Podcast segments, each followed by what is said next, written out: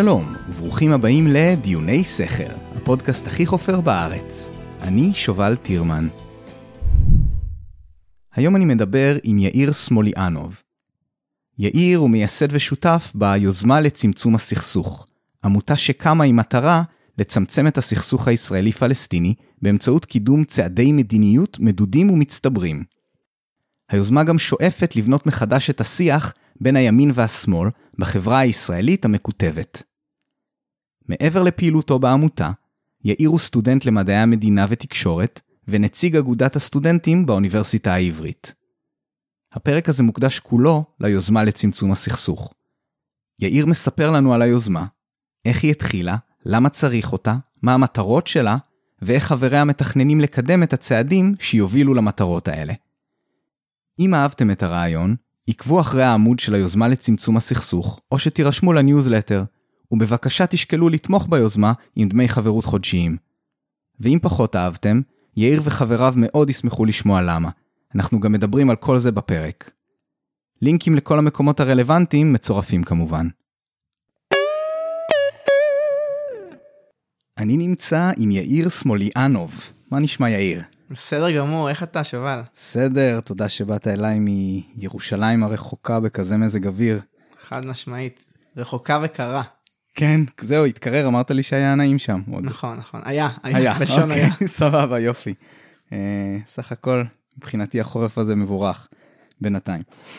אבל אה, בסדר, מזג אוויר זה לא מהנושאים ה- היותר מעניינים שאפשר לדבר עליהם. לגמרי. אז בוא, בוא, בוא נצלול לתוך זה. אתה מייסד ושותף אה, ביוזמה לצמצום הסכסוך.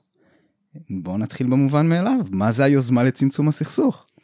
טוב, אז אה, קודם כל אפשר להגיד לנו מזל טוב, אנחנו שנה אה, עמותה רשומה במדינת ישראל. אה, מזל טוב. תודה, תודה. אה, אני חושב שהסיפור, אם אני אתחיל אותו, הוא התחיל ב-2017, כשמיכה גודמן כתב את הספר מלכוד 67. מהמם. ומיכה בא ואמר ברעיון שלו, שהוא בא ונתן תיאוריה מבחינתו לא חדשה, כמו שמיכה אוהב להגיד את זה, אמרתי את מה שכל הציבור חושב, אבל לא העז לומר אף פעם. רוב הציבור הישראלי מתווכח אולי על עתיד הסכסוך, אבל כולם מרגישים מיואשים מהמצב כיום. ומיכה בא וטוען בספר, אה, קטונתי מלאמלק את מיכה גודמן, אוקיי. אבל אה, אם אפשר בכל זאת, אז הוא בא ואומר, זה שאי אפשר לפתור את הסכסוך, או זה שאנחנו לא מסכימים על איך אפשר לפתור את הסכסוך, לא אומר שאין מה לעשות. והוא מציע תיאוריה שאומרת לצמצם את הסכסוך. הוא מציע להסתכל על הסכסוך לא כעניין דיכוטומי של 0 או 1, כשחור ולבן, כפתרון או קיפאון, אלא כסקאלה. סקאלה שאפשר להתחיל לצמצם ולצמצם אותה, גם אם אנחנו לא בהכרח מסכימים על הפתרון הסופי, אפשר להתחיל להסכים על הצעדים שבדרך. ולפני שנה התאספו כמה אנשים, אה, ואני ביניהם, היינו חמישה חבר'ה אה, שהתאספו ואמרו, אוקיי, יש פה רעיון, רעיון בינינו מבריק, והגיע הזמן לעשות עם זה משהו, הגיע הזמן להפוך את הספר הזה למציאות. ואני חושב שהקונספט שאנחנו מביאים פה, הוא לא איזושהי אידיאולוגיה מטורפת וחדשנית שמביאה עכשיו איזשהו, יש כל כך הרבה אה, יוזמות ועמותות שקמו אה, בכיוון של הסכסוך. אני חושב שמה שאנחנו מביאים פה זה יותר צניעות, זה יותר הבנה של המציאות מורכבת, היא באמת מורכבת. ואנחנו יכולים אה, להמשיך ולהתווכח, ואנחנו צריכים להמשיך להתווכח על שאלות גדולות יותר ברומו של עולם, האם לפלסטינים מגיעה מדינה פה, האם אה, אנחנו צריכים אה, לצאת מהשטחים או לא לצאת מהשטחים, האם כל ארץ ישראל היא שלנו, והאם אנחנו יכולים לקבל אותה בחזרה, או אם אנחנו לא צריכים לקבל אותה כי היא בכלל שלנו ואנחנו רק צריכים לשחרר אותה. אבל עד אז אנחנו צריכים לדבר על מחר בבוקר, אנחנו צריכים לדבר על מה קורה איתנו ביום יום, ועל זה שיש פה סכסוך, הוא לא הולך ללכת לשום מקום, וצריך להתחיל לעשות, צריך להפסיק לקפוא במקום. וואו, יפה, נתת חתיכת uh, תשובה מנוסחת היטב, אז אני חושב שאתה ענית כבר על המון המון uh, מהשאלות שלי. הראשונה מביניהן הייתה, אני ידעתי שיש קשר למיכה גודמן, גם, גם השם נראה לי בהשראה, אבל uh, לא ידעתי שזה ממש uh, ככה התחיל שם. אז uh, uh, זה טוב לשמוע, אני קראתי את הספר, אני חושב שזה ספר מצוין. וכן, תראה, אחד הדברים שאני אני אהבתי, אז אני, אני נחשפתי ל, ליוזמה הזאת דרך uh, עידן ארץ, חברנו. אה, שראיתי שהוא תמך וככה שם את, ה, את הפרצוף החמוד שלו, ואמרתי, וואלה, ניכנס, נקרא, אז זה נשמע מאוד מעניין, קודם כל, כי אחד, אני, אני מאוד אוהב את העבודה של, ה, של השיווק שאתם עושים, ואני מבין שאתה גם uh, אחראי על הצד הזה, אז, אז כל הכבוד, אולי אני, אולי אני אפרט קצת בהמשך למה אני מתכוון. גם ברמה ה... הטכנית קצת של איך הדברים נראים. זה גם כמישהו עם קצת רקע בתחום של מחשבים ודברים כאלה, זה נראה וזה עובד טוב. ואני אוהב את ה... יש לכם section נגיד של שאלות ותשובות כזה, והשאלות מאוד לעניין, ואיך שאתם מציגים את הבעיות, בעיניי זה מקסים שהלכתם על הכיוון של לא לנסות לשכנע, אני מרגיש לפחות, לא לשכנע אותנו שזה סופר מעניין וקריטי כזה, אלא יותר לא, לא, לא, אלה נושאים משעממים. אלה נושאים עד כדי כך משעממים, שכנראה נוכל להסכים עליהם, כי הם לא, הם לא מלהיטים אותנו יותר מדי. אז נראה לי שזה הזמן אולי באמת לדבר קצת על מה... אוקיי, דיברנו על לצמצם. בוא נתחיל להגיד, איזה דברים אפשר לקדם עכשיו? מה, מה עונה על הדרישות של מה שאתה תיארת עכשיו? אז אני אגיד שהשאלה הזאת על מה נחשב צמצום סכסוך זו באמת שאלה גדולה ומורכבת, ואמרנו צריך לפשט אותה, צריך להפוך אותה למשהו יותר אה, פרקטי בשטח. והסתכלנו על כל, עמות, כל העמותות וכל היוזמות שמתעסקות היום בסכסוך. חלקן הגדול באות ומציעות פתרון. שתי מדינות, מדינה אחת, קנטונים, פדרציה, ניו סטייט. אני חייב לא רוצה לפגוע בעוד עשרות uh, פתרונות שיצא לי לשמוע, אבל בסוף באים ומציעים uh, איזושהי דרך, שאם אנחנו נלך בדרך הזאת ונגיע איתה עד הסוף, לא יהיה יותר סכסוך. הסכסוך יסתיים. קבוצה אחרת של אה, ארגונים באה ואומרת, אנחנו רוצים להתעסק באנשים. אנחנו לא מתעסקים עכשיו, או מתעסקים פחות בפן היותר מדיני, בשטחים, בבנייה, בלא בנייה, אלא מתעסקים באנשים עצמם. ויש לא מעט ארגונים שמתעסקים בשיח. מפגישים פלסטינים עם יהודים, מפגישים אה, אה, ערבים עם ישראלים, עם פלסטינים, אה, מתנחלים עם, עם אה, ימנים, עם שמאלנים וכדומה, ומנסים לשנות את השיח. מנסים לשנות את השיח ברמת ה... בואו נדבר, בואו נקשיב, בואו נאהב אחד את השני, או בואו פחות נשנא אחד את השני. וכשהסתכלנו, כשאני מסתכל על הקבוצות האלה גם בחברה, אני בא ואומר, בסוף, מה שהם באים ועושים זה הם מצמצמים את הסכסוך, בעיניי. כשעכשיו קבוצה של פלסטינים ויהוד, וישראלים ויהודים באה ונפגשת, כנראה שמה שעולה להם לראש, לשני הצדדים, זה וואלה, יש אנשים שלא יושבים בחדר הזה כיום, אבל היו שמחים שלא נהיה קיימים, היו שמחים שלא נהיה פה. אבל זה לא מונע מאיתנו להתחיל לעשות. והיוזמה שלנו באה ואומרת, העניין הזה של הפגישות והשיח הוא חשוב, ואנחנו גם מתעסקים בו, ואולי אני אפרט עליו גם יותר מאוחר עוד. אבל הגיע הזמן גם להתעסק במדיניות. הגיע הזמן לבוא ולהתעסק בצעדי מדיניות פרקטיים שמצמצמים את הסכסוך. אז מה זה אומר צעדים לצמצום הסכסוך? שלושה קריטריונים מאוד פשוטים. אני אתחיל מהאחרון ובעיניי אולי הכי חשוב. פרקטיקה, ישימות. יש המון המון צעדים טובים שאפשר לעשות שיקחו 10, 20, 30 שנה. ב-10, 20, 30 שנה הזאת יכול להיות שיהיו מלחמות, יכול להיות שיהיו אינתיפאדות, יכול להיות שיתחלפו מנהיגים גם בישראל וגם ברשות הפלסטינית, גם בארצות הברית, גם באיחוד האירופי, עם כל, כל מדינה שרוצה לקחת חלק בעתיד הסכסוך, ויהיה מאוד קשה לבצע אותם. והמטרה שלנו זה צעדים שיכולים לקרות מחר בבוקר. צעדים שאין פה עכשיו אה, תורה מסיני, אלא יש פה פרקטיקה. אפשר להחליט, אם מחליטים שעושים את זה, הדבר הזה יכול לקרות. תוך שבוע, תוך שבועיים, תוך חודש, הדבר הזה יכול לקרות. זה אומר שאנחנו מבינים שיש איזה תקציב, אם צריך תקציב, יש איזה ישימות בשטח, ויש איזה את כל האמצעים הנדרשים. אז זה הקריטריון הראשון, mm-hmm. ישימות. הקריטריון השני זה קונצנזוס ישראלי. קצת מפתיע, אבל תמיד תמיד תמיד בסכסוך יש אג'נדה, ואולי גם נדבר על זה. אתם שמאלנים, אתם ימנים, אנחנו באים ואומרים, חברים, יש דבר כזה שנקרא אינטרס ישראלי. אנחנו רוצים להסתכל על דברים שרוב הציבור הישראלי מסכים איתו. והופתענו לגלות, אולי השומעים יפתעו לגלות, שיש לא מעט צעדים שיש עליהם קונצנזוס, ש-70-80% מהציבור הישראלי מסכימים עליהם. Mm-hmm. והקריטריון השלישי זה בסוף מה זה צעד כזה? זה צעד שמאפשר שגשוג לצד הפלסטיני, או אה, הקטנת השליטה הישראלית על הפלסטינים, תוך כדי שהוא לא פוגע בביטחון הישראלי. שלושת הקריטריונים האלה מה שנקרא, נכנסו לתוך אה, מערכת אה, משוואות, ולתוכה הכנסנו את כל הצעדים, את כל התוכניות האפשריות שנצרו עד היום, בין אם זה תוכניות אמריקאיות, ישראליות, סעודיות, ערביות, פלסטיניות, כל דבר שאי פעם נכתב על הסכסוך ויכולנו לשים עליו את היד, נכנס לתוך הדבר הזה. והמערכת הוציאה, וכשאני אומר המערכת כמובן זה אנחנו שישבנו וחקרנו, אה, הוצאנו משם לא ספרים, אלא לראשונה אולי הייתי אומר בהיסטוריה של הסכסוך, הוצאנו עמודים, הוצאנו אפילו קטעי עמודים, הוצאנו חלקים קטנים שבאים ואומרים, לא, זה לא הפתרון הגדול, לא, כמו שאמרת, זה אולי קצת משעמם, זה לא משהו סקסי, אבל זה מצמצם את הסכסוך, וזה יכול לעשות טוב לשני הצדדים. למה התוכניות הנוספות האלה מבחוץ רלוונטיות? כי הן מכילות את החלקים האלה ואתם פשוט בחרתם מתוכם דברים שונים על הקריטריונים? אז אני אתן לך דוגמה פשוטה. מהמם. בפברואר אה, האחרון 2020 פורסמה תוכנית המאה Peace to Prosperity מעל 180 עמודים מאוד מעניינים שיוציא אה, הנשיא באותה תקופה בארצות הברית דונלד טראמפ. מה שהיה מעניין בתוכנית הזאתי בצורה מאוד פרדוקסלית זה, זה מה שקרה בציבור הישראלי כשהתוכנית פורסמה. הייתה הסכמה על אי ההסכמה. מצד אחד הגיע השמאל בישראל, השמאל העמוק אולי יש לומר, לצורך העניין שלום עכשיו. שלום עכשיו התנגדו בתוקף לתוכנית וגם הפגינו כנגד זה. למה הם התנגדו בתוקף לתוכנית? כי התוכנית רצתה להכיל ריבונות על שטחים נרחבים מתוך יהודה ושומרון. מהצד השני, הימין בישראל, או יש שיגידו הימין העמוק בישראל, לצורך העניין מועצת יש"ע, באו ואמרו, אנחנו מתנגדים לתוכנית. למה אתם מתנגדים לתוכנית? כי התוכנית אומרת state of Palestine, מדינה פלסטינית. אבל אנחנו הסתכלנו על התוכנית ואמרנו, אוקיי, יש 20% ששלום עכשיו מתנגדים אליהם. בוא נשים אותם בצד רגע, בואו לא נתווכח האם זה טוב או לא טוב. יש 20% שמועצת יש"ע מתנגדים אליה. אתה בוא נשים אותם 20% בצד. מהתוכנית. מהתוכנית. אוקיי, כן.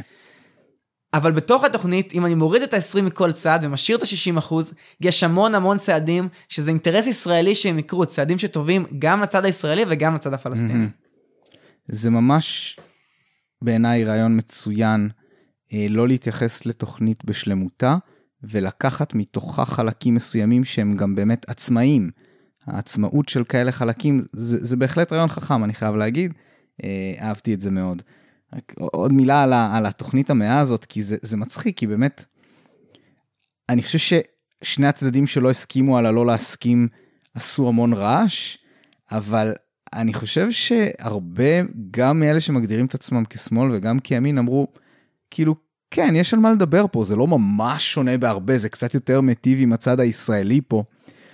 אבל זה לא באמת כזה הבדל ממה שאנחנו מכירים עד עכשיו. וואלה, אנחנו יכולים לסמן כמה ניצחונות שלנו במרכאות, כי כאילו, אנחנו הבן המועדף עכשיו של, אה, של אה, הדוד סם. אחיין, אם זה הדוד. אבל, אה, אבל מעבר לזה, אתה יודע, זה לא היה מאוד מהפכני, ואני בתור מישהו שכן מבחינה מדינית מגדיר את עצמו כשמאל, אני אמרתי, כן, כאילו נשמע סבבה, לא קראתי את ה-180 העמודים, גם אגב, אני יכול, מוכן להמר את כל הוני על זה שדונלד טראמפ לא קרא אפילו עשירית מזה. אה, כי סתם אמרת שזאת תוכנית שלו, אני אומר לא רק שהוא לא כתב אותה, אני, אני מאוד בספק אם הוא קרא אפילו חלק משמעותי ממנה. ההיסטוריה ידועה במנהיגים שלקחו קרדיט על תוכניות שהם אה, לא בהכרח... לא, אה, זה ברור, כתבו. אני, אני נוטה להפריד אותו מהבחינה הזאת. אה, אבל- אני אגיד אבל שובל שמה שאמרת זה בדיוק מה שאנחנו רוצים ליצור. כי הבעיה היא זה שמי שנשמע זה מי שצועק יותר חזק בהמון מובנים ויותר מזה הרבה יותר קל לשמוע התנגדות מאשר לשמוע תמיכה. הרבה יותר קל לסקר אנשים שצועקים אנחנו נגד מאשר בעד. אני גם אגיד לך יותר מזה, כשמישהו אוהב פוסט שנכתב בפייסבוק בדרך כלל מה שהוא יעשה זה יעשה לייק. והלייק הוא קטן ואז אתה רואה אה, עוד לייק ועוד לייק ועוד לייק. אבל כשמישהו מתנגד הוא בדרך כלל יכתוב על זה, הוא כן. יכתוב לך תגובה. ואז קורה סיטואציה שאנחנו רואים גם בפיד שלנו לא מעט, שאתה רואה פוסט, בעיניי כמובן אולי אני קצת משוחד בתור מי שכתב את הפוסט וגם חלק מהיוזמה, אבל פוסט שהגיע לצורך העניין ל-600 לייקים ומאות תגובות, וכשאתה מסתכל על הלייקים אתה אומר לעצמך כנראה שמי שעשה לייק אוהב את מה שנכתב שם, וכשאתה מסתכל על התגובות אתה רואה שיש לא מעט תגובות שמתנגדות לזה. ואז לצופה מהצד הלייקים תופסים שורה קטנטנה מהפייסבוק התגובות גלילה שלמה של כל הפיד. ואז עם אתה הטיה ברורה לכיוון תגובות שהן שליליות. נכון מעניין, אני מכיר את זה מטוויטר, לא, לא כי אני אשף טוויטר, אני בקושי נמצא שם, אבל כי שם יש, יש קונספט כזה של אה, יחס בין כמות, ה- שם זה לבבות, הלייקים, נכון. לבין ה retweets, כאילו הקונספט הזה של מה היחס ביניהם, הוא אינדיקציה לאם אהבו את, ה, את, ה, את הטוויט שלך או לא, כאילו ככל שה retweets עולה ביחס ללבבות, אז כנראה שפשוט, כי אני, אני טיפ טיפה ארחיב על זה למרות שאולי זה כבר מובן מאליו בשלב הזה אין אין את ה dislike אין את ה"אני לא אוהב" נכון. אז הדרך היחידה שלך אה, להתבטא כנגד משהו היא לכתוב כמו שפעם אני לא יודע אם אתה זוכר את עידן לפני הלייק אתה קצת צעיר ממני אבל אני זוכר את העידן לפני הלייק בטן. אה, ו... וכן, כאילו היית חייב לכתוב, לא היה אה, הבעת אה, סימפתיה פסיבית כזאת. אני חושב שמה ש... זה המצב עם, כן, עם, עם, עם, עם תגובות שליליות, וזה מוזר לי שלא חשבתי על זה עד עכשיו בצורה הזאת. אני חושב שמה שעוד יותר גרוע בזה, זאת אומרת, זה שכמו שאמרת, אין את האולי, אין את הכפתור הדיסלייק, אבל הוא ה-unlike, אבל יש את הכפתור של הלייק, והתחושה כיום, ומה שנקרא בעוונותיי, אני גם סטודנט לתקשורת באוניברסיטה העברית, ואחד הדברים שמדברים עליו המון, זה התחושה של הציבור כיום רוצה לקחת חלק, אבל הוא מרגיש שאם הוא עושה את הלייק, הוא לקח את החלק שלו. Mm. עכשיו, אני נוטה להאמין שאם לא היה את הלייק, אז הוא היה כותב, הוא היה מביע את התמיכה, אבל כשיש אותו, אז הוא מסתפק בזה. כן. ואם נחזור במשפט לאותה תוכנית המאה, אז הציבור שתמך אמר, אוקיי, מעולה, נתניהו אה, נואם, טראמפ נואם, אני צופה בזה, אני מחייך, אני שמח, אני לא צריך לעשות כלום, כי לכאורה זה קורה, זה ממשיך, הנאומים ממשיכים. מצד שני, מי שמתנגד אמר, אני צריך לעצור את זה, אני צריך לעשות אקט פיזי ואקטיבי כדי למנוע את זה. אני, אני אפילו אני אפילו אוסיף על זה עוד משהו בתור מישהו שגם בעוונותיו למד לוגיקה. אה, אה, יש קונספט כזה שבשביל לשלול טיעון נגיד מספיק למצוא משהו אחד לא נכון. אה, אבל בשביל להוכיח אתה צריך כאילו לכסות את כל האפשרויות. ואתה יודע, אני לא, כמו שאמרתי, לא ישבתי וקראתי את התוכנית, קראתי את עיקריה. מה שקראתי לא קפץ לי שום דבר שאני מתנגד לו, או לפחות מתנגד נחרצות. אבל כמו שאתה אמרת, מספיק שמישהו מהימין רואה state of palestine, זה הוא לא, לא מעניין אותו שאר העמודים. ברגע שהוא מתנגד לזה, הוא מתנגד לתוכנית, הוא לא יכול לחתום עליה. אה, ואני בטוח שיש גם אה, דוגמה מתאימה מצד שמאל, וזה קורה לי גם הרבה פעמים שאני לא... אני לא מגבש דעה בצורה נחרצת לגבי דברים, וזה מונע ממני קצת להביע את הדעה שלי. אה, כי אני לא מרגיש שאני בקיא מספיק, אבל אם, אם, יש משהו, אני, אם יש משהו שחד משמעית לא אהבתי, אז את זה אני יכול להגיד בצורה ודאית. אני לא צריך לאשר את הכל. זהו, אז זה, זה, זה, זה עוד איזשהו פן על הנושא הזה, וזה מעניין, ואני חושב שזה גם מתחבר בכלל, אתה יודע, לכל האווירה ברשתות החברתיות, ומה שיצא בסרט הזה של ה... שכחתי איך זה נקרא. בסושיאל דילמה. בסושיאל דילמה, שאני, יש לי פוסט יפהפה, כתוב מלא זמן על זה, ואני פשוט לא מגיע למצב שאני מצליח אה, להשלים אותו ולהוציא אותו. אני מבטיח שתפרסם, אני אעשה לא רק לייק, אלא אני גם אגיב עליו. לא, זה, זה, זה, זה גם עם טוויסט אה, רציני, אני חושב שאתה תאהב את זה, אולי אני, אני אתן לך לקרוא את, את הטיוטה. אבל, אה, אבל זה גם מתישהו יעלה כבלוג לפודקאסט, אבל אה, נראה מתי אני אגיע לזה. בוא בוא נחזור ליוזמה לצמצום הסכסוך. אז אה, אז עכשיו שהבנו איזה סוג אה, תוכניות נגיד נקרא לזה יש שם בוא תן לנו כמה דוגמאות ואז אני אשאל אותך קצת גם על עוד על מה אולי על מה יוצא לנו מזה וכאלה. אז בוא בוא רק תן לנו כמה דוגמאות כדי שנראה שזה לא שזה לא באוויר. ממש זרוק לנו תוכנית שאתה שאתה אוהב. טוב, האמת שזה קשה. כן, שלא אתה צריך לבחור בין מועדף עכשיו. בדיוק. אני גם אגיד שבזמן שהפודקאסט הזה עכשיו מוקלט, אנחנו נמצאים במהלך הצבעת החברים שלנו. אני אולי אספר על זה טיפה יותר בהרחבה בהמשך, אבל מי שבוחר את הצעדים שלנו, זה יהיה כזה ספוילר למה שנדבר עליו עוד כמה דקות. זה, זה חברי היוזמה, זה תומכים. לי אין זכות הצבעה, אני לא קובע. יש גם חמישה צעדי מדיניות שעלו להצבעה. ומי שיקבע מה הצעדים שאותם נקדם, זה חברי היוזמה, זה אנשים שתומכים בנו. אמ, אבל זה רגע ספוילר להמשך, אני אספר אמ, על שני צעדים, בקצרה. צעד אחד אה, הוא צעד שמדבר על תעסוקה פלסטינית. לא הרבה יודעים אה, שיש 100 אלף עובדים פלסטינים שמועסקים בישראל מדי יום ועוברים למעשה את גדר הביטחון, את הגבול מדי יום, בין יהודה ושומרון לישראל. זה, זה המספר היומיומי, סדר גודל של נכון, 100 אלף? 98 אלף אם להיות uh, מעודכנים, אבל כן, 100 אלף. Uh, זה לא כולל מן הסתם שוהים בלתי חוקיים שקופצים מעל הגדר, נכנסים דרך הפרצות. הם פשוט לא נספרים. הם לא נספרים, גם אי אפשר לדעת מה הכמות שלהם. וזה גם חשוב להגיד, זה גם לא כולל את האנשים שעובדים ביישובים היהודים ביהודה ושומרון, mm. התנחלויות, התיישבויות. אפשר לקרוא להם כל אחד בשפה המתאימה לו יותר. אה, ששם הם רק צריכים אישור ביטחוני מהשב"כ, אבל הם לא צריכים למעשה אשרת עבודה. כן, עכשיו, הם גם לא חוצים גבול על פניו. נכון, נכון. אה, עכשיו, יש המון המון בעיות עם הדבר הזה, אבל אני אולי אמנה שתי בעיות אה, קצרות. אחת, המספר 100, מי קבע אותו? אז האמת היא שהוא אף אחד. זה מספר שבהמון מובנים גדל, פעם אחרונה שהוא גדל היה בתקופת שר האוצר משה כחלון, שהחליט להגדיל אותו, והוא גדל בלי איזה סיבה אמיתית. פרוצדורלית, בירוקרטית, לאור אה, ביקוש מצד המעסיקים הישראלים, או לאור היצע רחב בצד הפלסטיני. חשוב להגיד שכל פעם שהמספר הזה גדל, יש יותר ויותר, זאת אומרת המספר הזה תמיד מגיע ל-100% תפוצה. אה, אה, אבל בסוף המספר הזה לא אומר הרבה. עכשיו, אני לא אפרט את זה כי זה קצת משעמם, אני עוד שנייה אבל אתן לזה את הטוויסט. אני אגיד גם יותר מזה, יש פה עוד בעיה קטנה, והבעיה היא שכיום האשרות מגיעות למעסיק ולא מגיעות לעובד. מה זה אומר? זה יוצר סיטואציה שבה המעסיק עכשיו מסיים להעסיק איזשהו עובד פלסטיני, נגמרו השלושה או שישה חודשים שבהם הוא יכול בעצם לעבוד, ואז אותו עובד צריך ללכת.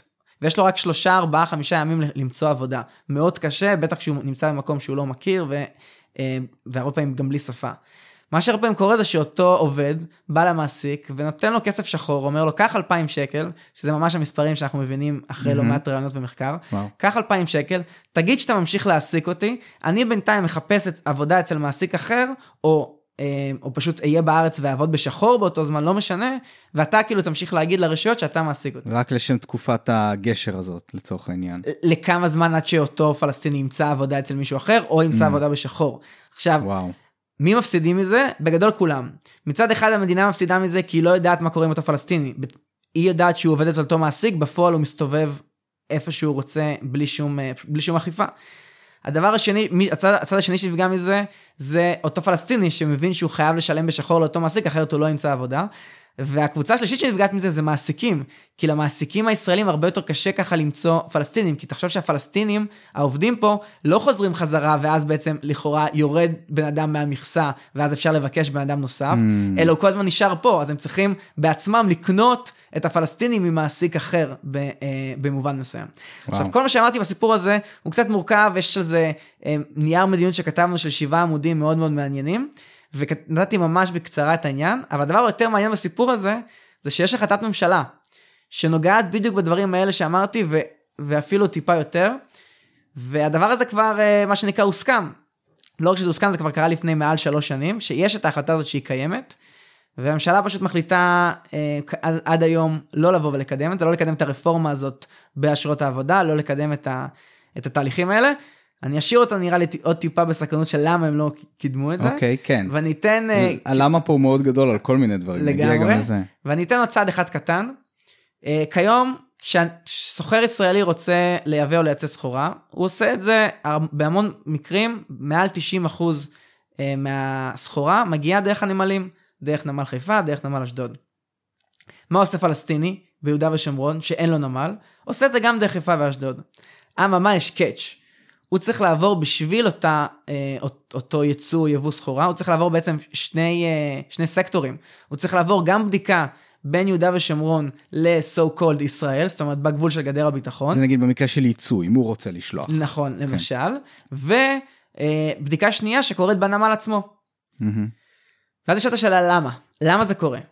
אז האמירה ההגיונית ש...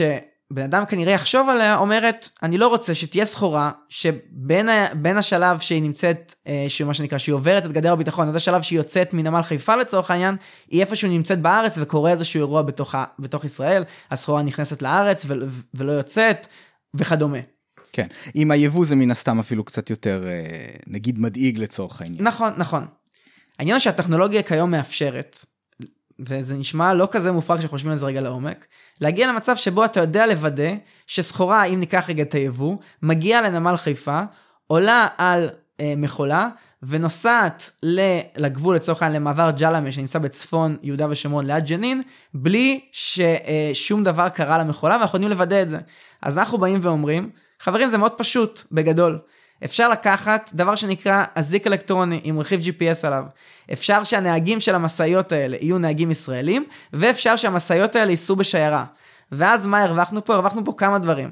הגענו למצב שבו הסחורה הזאת לא עוברת שתי בדיקות, כי היא עוברת בדיקה אחת לצורך העניין, בוא ניקח דוגמה של היבוא, היא עוברת את הבדיקה בנמל של חיפה, עוברת, את, אה, עוברת שם את הבדיקה, ואז כשהיא נוסעת בשיירה של 10 מכוניות עם נהגים ישראלים, כשיש על המכולה רכיב GPS עם אזיק אלקטרוני, אנחנו יודעים לבוא ולהגיד שיש חדר בקרה שמתצפת על כל הסיפור הזה, ורואה שהמשאיות נוסעות, הן לא עוצרות, הן מגיעות אה, בקצה למעבר, בלי שאף אחד פתח את האזיק, בלי ששום דבר קרה, ואין שום סיבה לבוא ולעשות להם עוד בדיקה. Mm-hmm.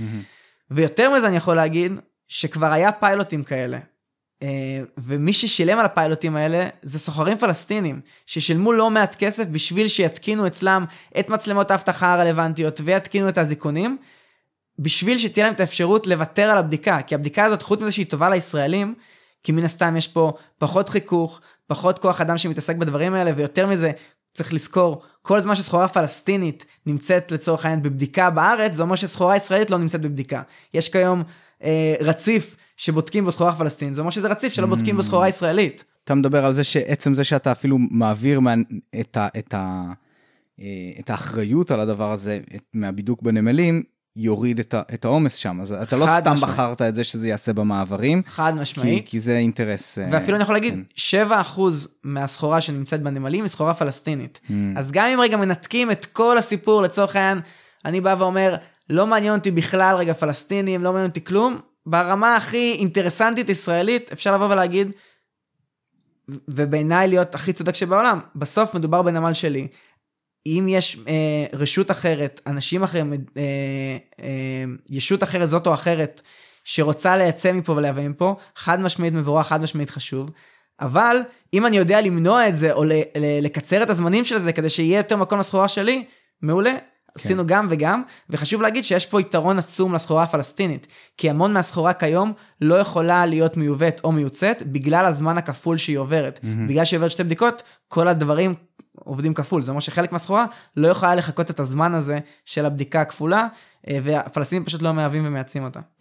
כן. נכון, אני כמובן רואה את החיסרון לזה, אבל תכף, תכף ננסה להבין למה לנו כישראלים, מעבר לזה שאכפת לנו ממה שקורה לפלסטיני בעזה, איפה זה עוד עוזר לנו כי הדוגמה הזו של הנמלים היא, היא ממש מצוינת כי אתה אומר אני מוריד עומס מהנמלים זה חשוב ולא יכול להיות על זה שום אה, ויכוח אבל על הדברים האחרים באמת אחת השאלות שעולות זה אז נגיד באמת במצב הזה למה אנחנו כישראלים רוצים שהכלכלה הפלסטינית תצמח ותשגשג. שאלה מעולה.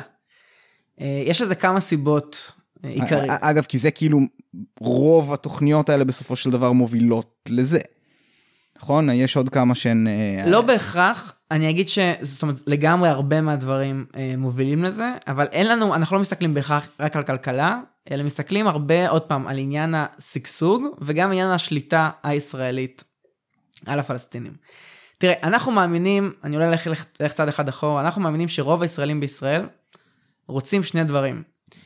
מצד אחד, הם רוצים לא לשלוט על הפלסטינים. אני הייתי אה, קצין בצבא, אה, נלחמתי בצוק איתן, הייתי בחיל הנדסה קרבית. לא נהניתי מה, אה, מזה שאני מגיע עכשיו וצריך אה, להיכנס לבתים, מזה שאני צריך עכשיו להגיע למצב שיש סיכוי שאני נכנס להיתקלות. חברים שלי שמשרתים אה, תקופה ארוכה ביהודה ושומרון לא נהנים מזה שהם עכשיו אה, עושים אה, מעצרים ומחסומים וכדומה. זה לא כיף לאף אחד. או לרוב הציבור הישראלי לפחות. אבל יחד עם זאת, למה אני עושה את זה ולמה אני גאה לעשות מילואים במדינה ואמשיך לעשות את זה, וחושב שזה חשוב, כי אני לא רוצה להיות מאוים על ידי הפלסטינים. והשנים האחרונות, ובטח פוסט אוסלו והאינתיפאדה השנייה, גרמו לנו להבין, והאמירה המפורסמת של אהוד ברק אחרי אה, קמפ דיוויד של אין פרטנר, אהוד ברק אולי מנהיג השמאל אה, האחרון אה, הרציני שהיה במדינה, יש שיגידו, והתחושה היא שוואלה, הכי אמיתי, אין אמון בפלסטינים, ויש חשש שאם רגע נשתמש בסלוגן, אז אם ניתן להם אה, רובים, הם ישתמשו בזה כנגדנו. Mm-hmm. והתחושה הזאת היא תחושה לגיטימית בעיניי, והיא מאוד מאוד הגיונית, ואני גם מרגיש אותה, ואני מבין כיום שאני אמנם לא נהנה לעשות מעצרים, אבל אני מבין שאם אני לא אעשה את המעצרים, יש סיכוי שמשהו יקרה למשפחה שלי, לחברים שלי, אמ, לאוכלוסייה שמקיפה אותי מקרוב. ואז נשאלת השאלה, האם יש דברים שיוצאים מהמשחק סכום אפס הזה, שהישראלי בדרך כלל חושב, של אם אני רוצה עכשיו להרגיש יותר בטוח, אני צריך להגיע למצב שאני מהדק את השליטה. אם אני חס וחלילה מקטין את השליטה, אני מרגיש פחות בטוח. Mm-hmm. והצעדים שאנחנו מוצאים זה צעדים ששוברים את המשחק סכום אפס הזה. עכשיו צריך להגיד חוץ מזה, שיש עוד המון המון דברים בעניין הזה. בסוף, בין אם ירצה ובין אם לא, עד שיקרה משהו אחר, אנחנו אה, שולטים על השטח ביהודה ושומרון. עכשיו, כנראה שלא מחר ולא מחרתיים ולא עוד שלושה ימים לא יקרו אחד מהשניים. או אנחנו נחליט עכשיו שאנחנו מכילים ריבונות על כל שטחי יהודה ושומרון והופכים את כל הדבר הזה למדינה ישראלית אחת, או שאנחנו נגיע למצב שאנחנו מה שנקרא שמים אה, שמים דגל ואומרים חבר'ה מפה מדינת ישראל מפה מדינה פלסטינית. Mm-hmm. כנראה שאף אחד מהדברים האלה לא יקרה בעתיד הקרוב. ואז ההבנה היא שבסוף השליטה שלנו הפלסטינים בהמון מובנים לא מייצרת לנו דברים טובים, היא לא מחזקת אותנו. אה, היא יוצרת סיטואציה שבה אה, בסוף, עוד פעם, א', האינטרס הישראלי נפגע, כי הרבה מה, אה, מה, מהזמן שבו אנחנו שולטים על הפלסטינים ואנחנו מתעסקים בפלסטינים, אנחנו לא מתעסקים בציבור הישראלי. בסוף זה תקציבים שיכולים לצאת מאיתנו, שיוצאים עכשיו על אוכלוסייה אחרת, ולא יוצאת, לא יוצאת על האוכלוסייה שלנו, אם אני משתמש רגע במושגי כן, שלנו כן, כן, כן, למה לא כדאי, כאילו למה כדאי, אבל זה קצת יותר נוגע ללסיים את הסכסוך, לא לצמצם אותו, למרות שלצמצם בטח גם יעזור מהבחינה הזאת.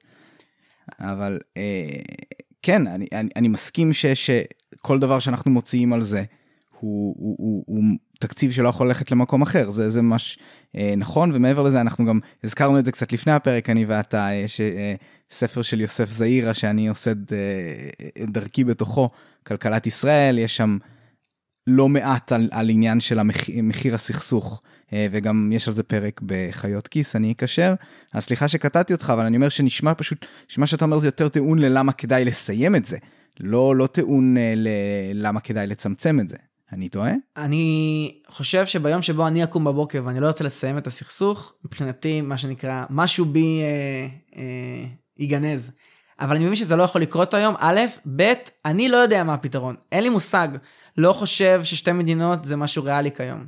לא חושב שמדינה אחת זה משהו שאני הייתי רוצה היום. לא חושב שכל הצעה אחרת שיזמה אחרת מציעה, זה משהו שאני כיום מאמין בו. לי כיום יש חלום ושאיפה שהסכסוך יסתיים, אבל אין הבנה מה, איך הוא נראה, איך נראה החלום הזה. Mm-hmm.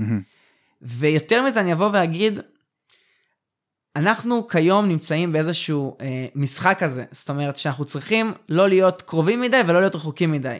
להיות קרובים ורחוקים ממה? בסוף בוא ניקח רגע את הסיטואציה אה, הקיצונית לכיוון אחד.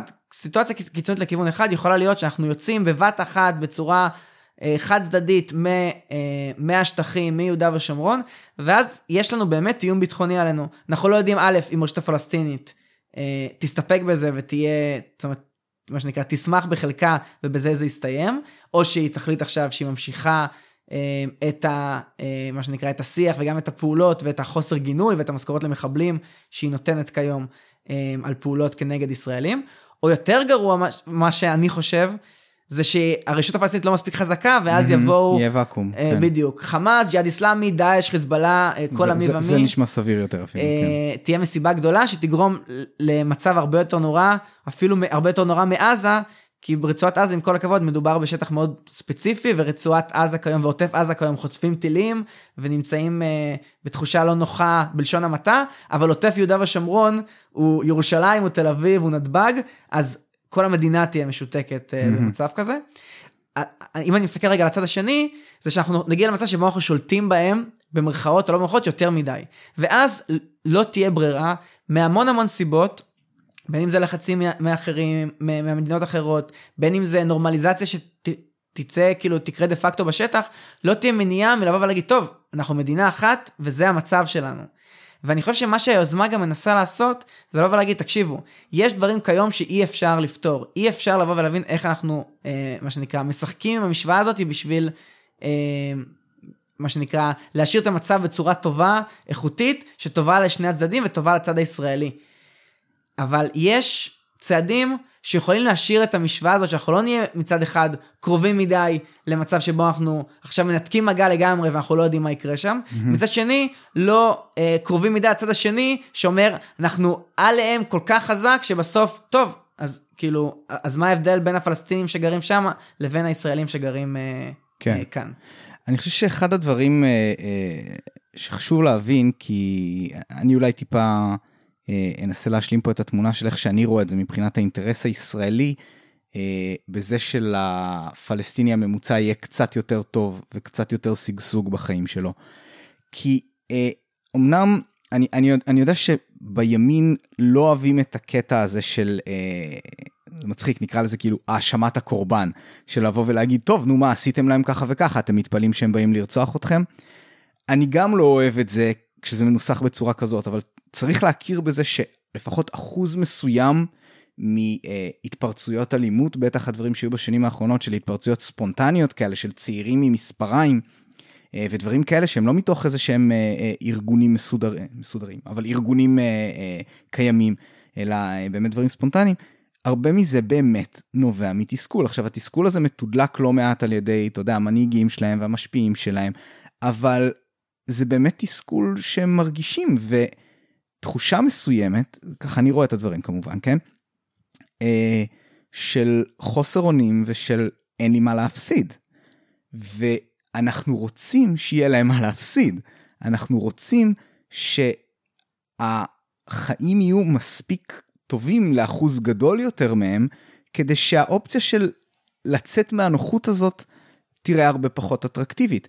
ואני חושב שזה מאוד מאוד הגיוני, ואני לא בא להגיד חלילה שאם קורה פה משהו זה אשמתנו, ממש לא, אבל צריך להבין שיש, שיש פה דינמיקה מסוימת שאי אפשר להתכחש לה. אה, ולכן אני באופן כללי גם מעבר לזה שאני גם אה, באופן אני מעדיף שאנשים ישגשגו בלי קשר גם האנשים עם הטייטל של האויב שלי זה זה זה ערך שלי גם בלי קשר להשפעה ישירה עליי כל עוד זה כמובן לא פוגע בי בצורה אה, חזקה. אז אז אני אשמח שלאנשים יהיה טוב יותר אבל אני לגמרי רואה את האינטרס שלנו. אני חושב ש, ש, שזה לא זה לא אומר זה לא יותר מדי צעדים לוגיים, אני חושב שזה סך הכל די forward ו- ומובן למה כדאי לנו שיהיה טוב מבחינה כלכלית. אני חושב שכשדיברת על העניין של אה, הפסד, אז אני לא יודע אם אמרת את זה בכוונה, אבל אה, מי שאמר והשתמש במונח מחיר הפסד, זה נפתלי בנט כשהוא היה שר הביטחון, והוא דיבר על זה שבתקופת אה, אינתיפאדת הסכינים שהייתה בארץ לפני כמה שנים, mm-hmm. החלטה של משרד הביטחון שקובעת שכל מי שעושה איזשהו פיגוע כזה או אחר, שמפגע בודד שעושה איזשהו פיגוע דקירה זה או אחר, באים ובעצם שוללים לו את האשרת עבודה, ולא רק ששוללים לו, אלא שוללים גם למשפחה הקרובה שלו, גרמה לזה, אני מצטט את בנט עכשיו, גרמה לזה שכמות אה, כמות אה, המפגעים הבודדים וכמות הפיגועים ירדה משמעותית. כי הרבה מהפלסטינים הבינו שיש להם פה הרבה מה להפסיד מזה שהם יבואו ויעשו mm-hmm. את, ה, את האירועים האלה. אה, אז אני גם אגיד שאני ממש מסכים איתך ואני חושב שיש בכללי אני חייב לשתף שיש איזושהי תחושה של אה, בישראל כיום ואולי גם הרבה בחברה באופן כללי של אה, זאת אומרת יש יש אמירה שאני מאמין בה שאומרת עניי עירי קודמים אני חושב שזה בסדר. אני, ו... עניי מה? עניי עירי קודמים. זאת אומרת העניים שבעיר שלי קודמים לעניי עירך. כן. אמ, ואני חושב שזו אמירה שבסדר, כאילו, לא צריך להתבייש לבוא ולהגיד אותה. כמו שאני בא ואומר, בסוף המשפחה שלי יותר חשובה לי מאנשים אחרים ברחוב. אני לגמרי מאמין בסיפור הזה של הקרבה הזאת, העץ הזה שהולך, הגרף הזה שהולך ו- ומתרחב, כי אין מה לעשות, אתה חושב על איזושהי ארץ רחוקה עם אנשים מאוד מאוד מסכנים, אתה לא יכול לחיות את הדאגה הזאת ולהישאר שפוי. אתה דואג יותר למה שקרוב אליך, זה נראה לי סופר טבעי. אה, אני חושב שצריך לאזן את זה קצת עם, עם מחשבה לוגית, הגיונית, שבאה ואומרת, אפילו שהאמפתיה שלי היא פה מאוד קרוב, אני כן צריך שיהיה אכפת לי גם מדברים רחוקים יותר, אפילו שאני לא מרגיש את זה, אבל... אבל יש כאילו כאן איזשהו גבול מסוים, יש כאן איזשהו אה, משהו שסביר לצפות מבן אדם. וזה בדיוק מה, ש, מה שבאתי להגיד, ולכן אני אה, מאוד שמח ומאוד מצדיק אה, את זה שהיוזמה שלנו באה ואומרת, אנחנו לא מתעסקים עם הביטחון הישראלי. אנחנו באים ואומרים, כשאני נפגשתי עם אה, ראשי שב"כ, אלופי פיקוד מרכז, אנשים באמת בכירים בצמרת הצבאית אה, בעבר ובהווה, והם אמרו לי שצעד כזה יכול לסכן את הביטחון הישראלי, אני שמתי אותו בצד. כי אני חושב שבמצב שבו אנחנו נמצאים, ואולי גם בכללי, עוד פעם, כמו שאמרתי, אני לא רוצה להגיע למצב שבו עכשיו אני נותן פה פתח לעוד אה, אירוע אה, ביטחוני זה או אחר. אבל אם אני שם את הדברים האלה בצד, אני חושב ש... אה, כאילו אין לאף אחד, אה, לא אמורה להיות לאף אחד סיבה לבוא ולרצות שיקרה מה, מה, מה, מה שנקרא שיעש, שיעשה רע למישהו אחר. ואני גם אגיד יותר מזה, אני חושב שיש איזושהי תחושה שהרבה פעמים שלשמאל יש מונופול על המוסר. אני לא חושב ככה, כמו שאני לא חושב שלימין יש מונופול על הביטחון. אני חושב ששני הצדדים, גם הימין וגם השמאל, אה, רוצים, יש להם גם מוסר ויש להם גם רצון לשמירה על הביטחון. אה, ונקודה קטנה נוספת בסיפור של האינטרס הישראלי, אנחנו חיינו בארבע שנים האחרונות בתחושה שיש אה, שיח מאוד מאוד חיובי וטוב, ואני מאוד מאוד גם מברך על כך באופן אישי, בין ראש ממשלת ישראל בנימין נתניהו לנשיא ארה"ב דונלד טראמפ. אנחנו נכנסים לסיטואציה אחרת, לנשיא אחר, דמוקרטי, ג'ו ביידן, שהסתכל על המציאות בשטח, בן אדם שהתבטא רבות בנושא אה, שתי המדינות באופן מסיבי, בן אדם גם שהתבטא הרבה בנוגע להתנחלויות וכדומה. ואני חושב שישראל גם תצטרך לבוא ולהגיד, אוקיי, היה לנו עד עכשיו שגריר ישראל בגדול בבית הלבן, mm-hmm. חבר אולי שלא היה אף פעם למדינת ישראל אה, בארצות הברית. אני רואה את זה קצת אחרת, אבל בסדר. לגיטימי, בשביל זה אנחנו פה. ואני חושב שהרעיון של צמצום הסכסוך זה גם לבוא ולהגיד, ג'ו ביידן, מה שנקרא Mister President elected, הרעיון שלך להגיע לשתי מדינות, או אגב, זה גם מה שטראמפ אמר בתוכנית המאה, אבל הרעיון שלך לצעדים מסיביים ו... וגדולים על הסכסוך לא יכולים לקרות. זה לא, זה לא אפשרי, תראה את המצב בשטח. אבל צמצום הסכסוך זה גם מה שיבוא ויגיד, חברים תראו, אנחנו מתקדמים, אנחנו לא, לא, לא בדיוק בטוחים מה יהיה הצעד הסופי של הדבר הזה, אבל אנחנו מתחילים להתקדם, ואני חושב שהדבר הזה גם יכול לזכות בתמיכה מאוד מאוד רחבה מצד הממשל האמריקאי. כן, אני, אוקיי, כן, זה, זה מהר מאוד יוביל אותנו לאיך. אה, ותכף ניגע בזה, אני רק נזכרתי במשהו שרצית לגעת בו קודם, שאני לא יודע כמה הוא, אה, כמה הוא חלחל. אתה דיברת על 100 אלף פלסטינים שמגיעים לעבוד בתוך שטחי אה, אה, מדינת ישראל, בתוך תחום הקו הירוק, על בסיס יומיומי. עכשיו, מי שבקיא, אני משער שמכיר את המספר הזה. אם אני הייתי צריך לנחש, יכול להיות שהייתי מנחש משהו ב, בעשרות אלפים. אה, אני לא חושב שאני הייתי מגיע למאה בניחוש שלי. אה, אני לא יודע כמה באמת מהאנשים ששומעים את זה מודעים לדבר הזה, כי אחת הדאגות, בסופו של דבר, אתה יודע, יש בנו כישראלים, מתוך, אתה יודע, המדינה, שאנחנו, המציאות שאנחנו חיים בה, את הפחד הזה, את הפחד מהפלסטיני, את המחשבה שכל אחד מהם, אם לא נשגיח ולא נשמור עליו, יכול לבוא ולתקוע לך סכין בגב. עכשיו, אנחנו לא כולנו חושבים את זה כל הזמן, אנחנו לא כאלה, אבל זה, זה מסתתר שם אצל הרבה מאיתנו, אה, גם בשמאל וגם בימין. והמציאות היא כזאת, המציאות היא שזה עובד. פשוט ממש כמעט כל הזמן זה עובד. נכנסים 100 אלף אנשים כל יום, כנראה שיש גם תחלופה מסוימת שם, ופשוט ברוב המקרים זה לא מסתיים ברציחה, ולא מסתיים בדקירה, ולא אין עליהם חייל שיושב עליהם ומשגיח עליהם וכל הזמן מסתכל, וכמו שאתה אמרת בהרבה מהמצבים, הם אפילו לא תחת המעסיק באותו רגע, הם יכולים להיות בין מעסיקים, ושעדיין לקמבן שיישאר להם האישור הזה בדרכים לא כשרות. שלא לדבר בכלל על השב"חים, שבהרבה מהמקרים, אני בתור חייל זוכר מקרים של העלמת עין. לגמרי. וגם אתה יודע, אתה רואה אנשים מבוגרים רוצים לעבוד ולפרנס, כאילו, זה קשה לשלול את הדבר הבסיסי הזה מבן אדם.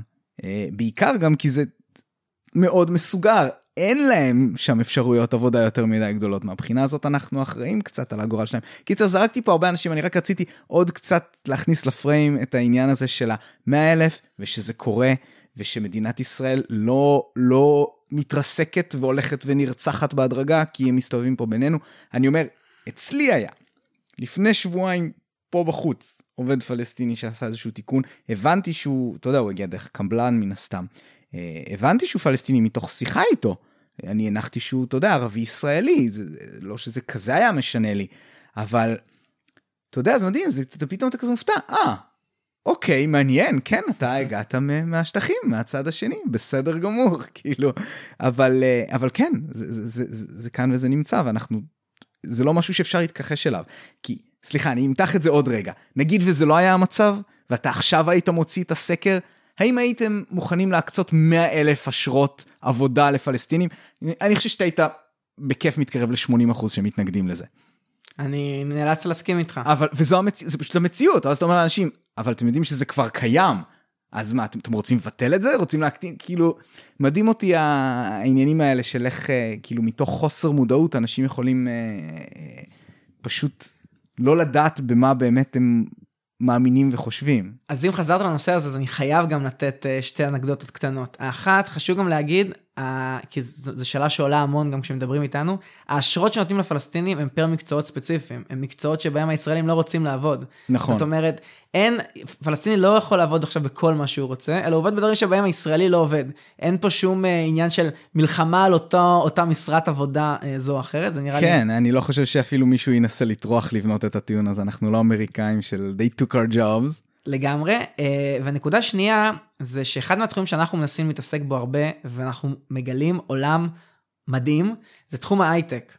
אה, אנחנו רואים שיש המון המון חברות, בקצרה ישראליות, שמעסיקות אה, ישראלים מן הסתם, ומעסיקות לא מעט עובדים זרים במיקור חוץ. מיקור חוץ בשפה פשוטה, זאת אומרת, חברות קבלן קטנות שנשארות במדינות אחרות והן בעצם אה, מקבלות כסף תמורת אה, עבודה ספציפית, תמורת פרויקט ספציפי בתחומים כאלה ואחרים. ושתי המדינות המרכזיות לצורך העניין שזה קורה בהן זה הודו ואוקראינה. Mm-hmm. ומה שקורה זה שיש ממש מה שנקרא 20 קילומטר קו אווירי מאיפה שאנחנו נמצאים גם עכשיו,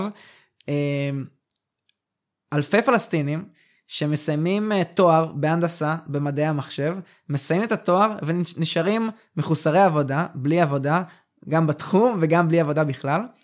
וכשהתחלנו לחקור את הנושא הזה, ראינו שיש כמה חברות ישראליות שמעסיקות פלסטינים. עכשיו, אפשר לבוא ולהגיד בהתחלה, מדובר פה באג'נדה, אולי אג'נדה שמאלנית וכדומה, אני אפילו לא נכנס לזה, כי מדובר פה גם באינטרס כלכלי שמרוויח מורווח לשני הצדדים, יש פה ווין ווין טהור. מצד אחד הפלסטיני מקבל משכורת הרבה הרבה יותר גבוהה ממה שהוא יקבל בכל עבודה שהיא ביהודה ושומרון, פי 2, פי 3, פי 4. מהצד השני המעסיק הישראלי גם יקבל עובד הרבה יותר זול, בטח בהשוואה לישראלי וגם בהשוואה לרוב העובדים שהוא יקבל במדינות אחרות, וגם יש פה המון המון יתרונות של קרבה, לצורך העניין, העניין של אה, המזג אוויר, העניין של הטיים זון, ההפרשי mm-hmm. שעות שלא קיימים, העובדה היא שהחופשים הם באותם, באותם תקופות, העובדה היא שהמנטליות בהמון מובנים, אנחנו מכירים את המנטליות הערבית, כן. יש, אנחנו לפעמים שוכחים, אבל יש שתיים וחצי מיליון ערבים ישראלים שהרבה מהם פלסטינים, בטח אה, באטיטיוד שלהם, בתוכם, אה, בתוך, בתוך מדינת ישראל. ומה שפה? חלקם בטח לפחות יודעים עברית. נכון, יש, לא הרבה, זאת אומרת, זה מאוד תלוי, אבל יש לגמרי, ויותר מזה, גם הם הרבה יותר נגישים. זאת אומרת, אתה נוסע רבע שעה, עובר מחסום, ואתה יכול לשבת ולדבר איתו, ו... mm. אומרת, ולנהל איתו שיחה, ולא רק בזום וכדומה. וראינו שהדבר הזה קיים. ויש קצת בירוקרטיה שגם אותם אנחנו מנסים לתקן ולייעל בתחום הזה, שאני לא אעלה... שהיא קשה יותר נגיד מול מה שאתה צריך לעשות בשביל לעבוד עם מישהו בהודו? אמ, לא כל כך, לא. אמ, כי לצורך העניין הפן הביטחוני מה שתמיד אומרים רגע אבל מה עם הביטחון? הבן אדם הזה יכול להיות מחבל. אז בסוף קודם כל אנחנו לא מדבר כאילו בסוף אם אני סטארטאפיסט וזו החברה הפרטית שלי מי, מי יבוא ויגיד לי מה, כאילו, זאת אומרת, מישהו שאני רוצה לספר לו סודות על החברה שלי שמייצרת, לא יודע, תיקים אורתופדיים ומישהו שלא רוצה, זו בחירה שלי. ויותר מזה, בסוף, למה שאני אסמוך יותר על ההודי מאשר על הפלסטיני? מדובר פה בביטחון, הרבה, הרבה פעמים בביטחון עסקי, במידע עסקי שלי, שהרבה יותר חשוב מאיזה שהם סודות מדינה שאני בתור סטארטאפיסט mm-hmm. זה או אחר. אה, אה, רוצה לעשות ומן הסתם כל החברות האלה גם עושות לא מעט מבחנים מבחני בטיחות וכדומה הקטע היותר מטורף בסיפור הזה זה כשחקרנו את הנושא, יש לא מעט חברות שעושות את זה. ואז כששאלנו אותם וניסינו לחקור ולהבין מה הבעיות שבתחום הזה וראינו אותם ואנחנו הולכים להעלות אותם בצעדים שלנו אה, בתקופה הקרובה ולשנות את המדיניות, לנסות לשנות את המדיניות. מה שיותר מעניין זה שכשדיברנו עם חברות הייטק אחרות וסיפרנו להם על זה, אז רובם היו בסוג של פתאום סיפרנו להם משהו חדש. Mm. כאילו וואו, אשכרה יש בפלסטינים לידינו שבאמת יכולים להיות טובים לנו, וכמו שאמרת, באמת להרבה מהם היה את המחסום הפסיכולוגי של לא יכול להעסיק אותו, זה כאילו מוזר, זה כאילו קצת מפחיד, אני לא יודע מה, מה, מה אם הוא פתאום זה, מה אם הוא פתאום שם, ואז שאמרנו להם וחיברנו גם כמה פעמים בין חברות ישראליות קיימות כבר שמעסיקות פלסטינים לחברות חדשות שעוד לא מעסיקות, פתאום, אוקיי, אז אני מבין שמישהו כבר עושה את זה, השד לא כזה נורא, hmm. וזה מעולה גם לי בתור מעסיק ישראלי, וגם מעולה לפלסטינים בתור העובד הפלסטיני. מעניין. יש כאן כמה דברים מעניינים, אבל בעיקר זה בהחלט גם משהו שאני אני לא יודע איך, איך לא ממש חשבתי עליו עד עכשיו, אבל אה, מתבקש גם שיהיו פה סוג של חברות קבלן לדבר הזה. נכון? חברות קבלן שאומרות, היי, אני מכיר, לי יש 100 מתכנתים אה, פלסטינים, לצורך העניין ערבי ישראלי אפילו, ש, שהולך ועובר את, ה, את הגבול הזה כל הזמן, או שאפילו מכשיר אותם, אה, נותן להם את ההכשרה וכאלה, ו, ואני יכול לקחת פרויקטים. אז אם אין כזה דבר, אני חושב שממש ראוי שיקום.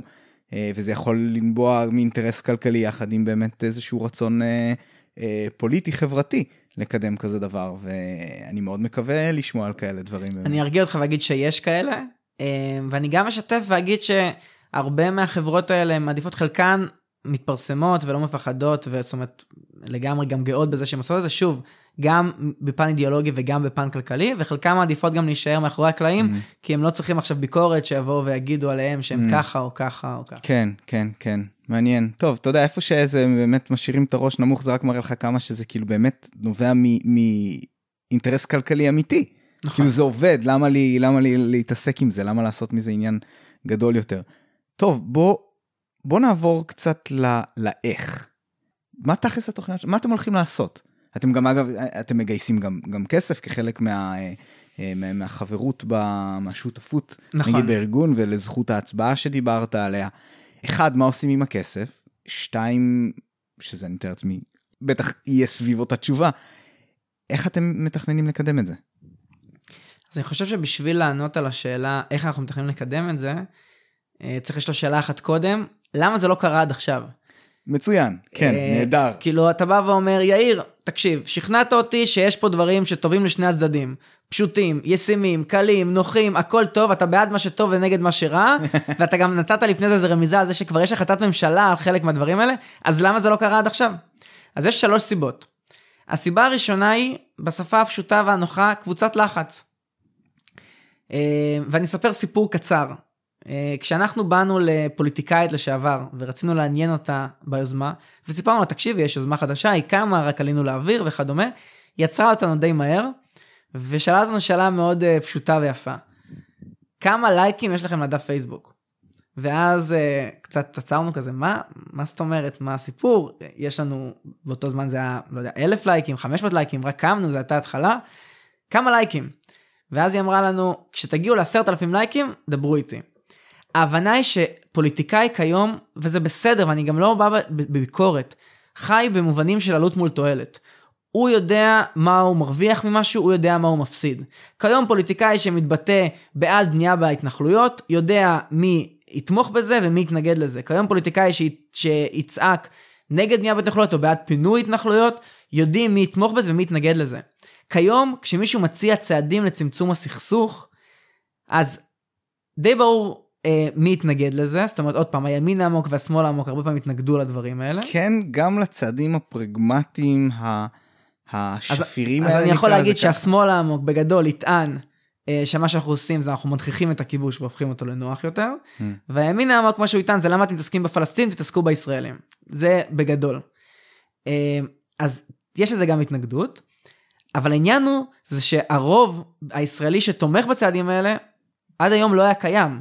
לא ברור לפוליטיקאי מי תומך בדברים האלה. Mm-hmm. והמטרה שלנו היא לבוא וליצור קבוצת לחץ שאומרת לפוליטיקאי בשפה הפשוטה אם נמשיך בלייקים, אתה כותב פוסט שאתה תומך בצעד כזה, יהיו לך התנגדויות. אבל יהיו לך 2,000, 3,000, 5,000, 10,000, 100,000 לייקים, אנשים שתומכים ואומרים אני בעד הדבר הזה. אנשים שיהיה להם אה, פילטר בפייסבוק של לך ופילטר בפייסבוק של לכו אתם, אבל כולם יבואו ויגידו אני בעד הצעד הספציפי הזה, זה מעולה שאתה בא ומקדם את זה. אה, והדבר הזה לא קיים היום, אין קבוצת לחץ שבאה ואומרת אנחנו בעד צמצום סכסוך. הנקודה השנייה בסיפור הזה של למה הדברים לא קרו עד היום ואיך אנחנו הולכים לקדם אותם, זה שעד עכשיו הציעו בעיקר פתרונות. הציעו תוכניות גדולות כמו שדיברנו לפני זה על אה, תוכנית המאה, תוכנית טראמפ. וכשאנחנו באים ומציעים עמודים קטנים, אז יש לנו לצורך העניין צעד בתחום הסלולר. אנחנו רוצים להגיע ליועז הנדל, שר התקשורת, יש לנו צעד בתחום התחבורה, אנחנו רוצים להגיע למירי רגב, שרת התחבורה. אנחנו לא צריכים את ההסכמה של יועז הנדל בשביל שמירי רגב תסכים, ואנחנו גם לא צריכים את ההתנגדות של אה, יועז הנדל בשביל שמירי רגב תסכים או תתנגד. אני אגיד גם שהרבה מהדברים שאתם מציעים לפחות איך שאני מבין אותם, הם לא, מצ... לא צריכים לעבור דרך הכנסת, זה דברים שלגמרי יכולים להתקבל ברמת משרד שכזה. נכון, אז, אז המון מהדברים, גם כשיצאנו לדבר עם הפקידים במשרדים, הם באים ואומרים, אתה לא צריך את השר, אתה צריך את המנכ"ל של המשרד, או את הסמנכ"ל של המשרד. Mm. אה, זה לגמרי נכון. יש לנו גם מטרה, אה, חוץ מהצעדים עצמם, זה גם, זאת אומרת, ליצור שיח בציבור שמבין וחושב אחרת וחושב צמצום סכסוך, ולכן גם חשוב לנו בהמון מובנים לקבל את הסכמת השר, גם אם לפעמים פרוצדורלית, כמו שאתה אומר, ואתה צודק, אנחנו לא באמת צריכים את זה. Mm-hmm. אז אני אומר, הדבר השני זה לבוא ולהגיע עם צעדים קטנים, ולא עכשיו עם תוכניות מרחיקות לכת. והדבר השלישי בסיפור הזה, הוא שכשאנחנו באים ורוצים לשנות מדיניות בדרך כלל בישראל, מה אנחנו אומרים? אנחנו אומרים, אני מקים מפלגה חדשה. השמאל בארץ אוהב לעשות את זה כל פעם מחדש בתקופה האחרונה. לא יודע, אני מאמין שבתקופה הקרובה, אם יהיו בחירות, אנחנו נשמע על עוד מפלגה שבאה ואומרת, אנחנו כן. מציעים אלטרנטיבה חדשה, אג'נדה חדשה. אה, גם בימין זה קורה, בנט תופס היום קו די אחר ממה שהוא תפס אה, בטח לפני שנה כשהוא אה, לא עבר את אחוז החסימה לצורך העניין. ואם אני אשאל עכשיו אותך מתי יהיו בחירות בישראל, אתה כנראה תיתן לי מספר שהאופטימי יהיה עוד שמונה חודשים, הפסימי יהיה עוד ארבעה חודשים, משהו כזה, כנראה. ואנחנו באים בגישה שבה אנחנו לא באים להחליף את מקבלי ההחלטות. אנחנו לא רוצים עם מפלגה, אנחנו לא רוצים לבוא ולהגיד אם אתם תומכים בצמצום הסכסוך תצביעו למפלגה הזאת או אחרת, ההפך. אנחנו רוצים להשפיע על מקבלי ההחלטות. זה נותן לנו שני דברים, אחד, גם ימנים וגם שמאלנים יכולים לתמוך בדבר הזה בלי שהם צריכים לשים פתק ספציפי בקלפי, ושתיים, אנחנו, כשאנחנו באים ומגיעים למצב שבו אנחנו יוצרים אה, מערך לובינג ומביאים לוביסטים לכנסת, שאגב בתור אנקדוטה, זאת אומרת שחשוב להכיר, יש כאן 120 חברי כנסת, יש פי 2 ופי 3, אה, פי שלושה לוביסטים בכנסת, שתדלנים, שהם אלה שמייעצים, מספרים, אה, כותבים הרבה פעמים את ההצעות חוק לחברי כנסת, שפשוט אין להם זמן לקרוא את כל החומרים, זה ככה במילה אחת מה זה לוביסט. והמטרה שלנו היא להשפיע על מקבל החלטות, ואז לא משנה לנו אם תהיה ממשלת אחדות, ממשלת ימין, ממשלת שמאל, זה לא משנה לנו, כי המטרה שלנו היא לא להיבחר לכנסת, אלא להשפיע על מי שנבחר לכנסת. Mm-hmm. ולכן מה שיקרה, מ, אה, ברגע שיבחרו שני הצעדים הראשונים, אה, זה להתחיל אה, קמפיין מסיבי בשני אפיקים מקבילים אה, וחותכים, מה שנקרא. גם בכנסת, במשרדי הממשלה, או מול הגופי ביטחון אפילו, נגעת בפקידים, יש הרבה צעדים שדורשים בכלל הסכמה של אלוף פיקוד מרכז, או של אה, מתאם הפעולות בשטחים, או של אה, ראש מינהל אזרחי, לא צריכים בכלל להגיע לכנסת. אה, וגם עניין של יח"צ, אה, מה שנקרא, ותהודה של הדבר הזה ברשתות החברתיות. ומי שאני חושב, חושב שעוזר לנו בזה בהמון מובנים, וזה אולי רגע טוב להגיד את זה, ונגעת בזה גם אתה בקטנה, זה הסיפור הזה של מימון המונים. אנחנו מבינים שהסכסוך הוא כל כך כל כך רווי שנאה וחשדות ואי אמון ותחושות קשות, שכל יוזמה חדשה שקמה ישר השאלה הראשונה היא מה האינטרס שלכם, מי מממן אתכם. ואנחנו הבנו שלמרות שיש, ואני גם יכול להגיד, יש לא מעט אנשים שמציעים לנו תמיכות גדולות וקבועות, אה, אנשים פרטיים עם לא מעט כסף, המטרה שלנו שהיוזמה הזאת תהיה יוזמה של הציבור.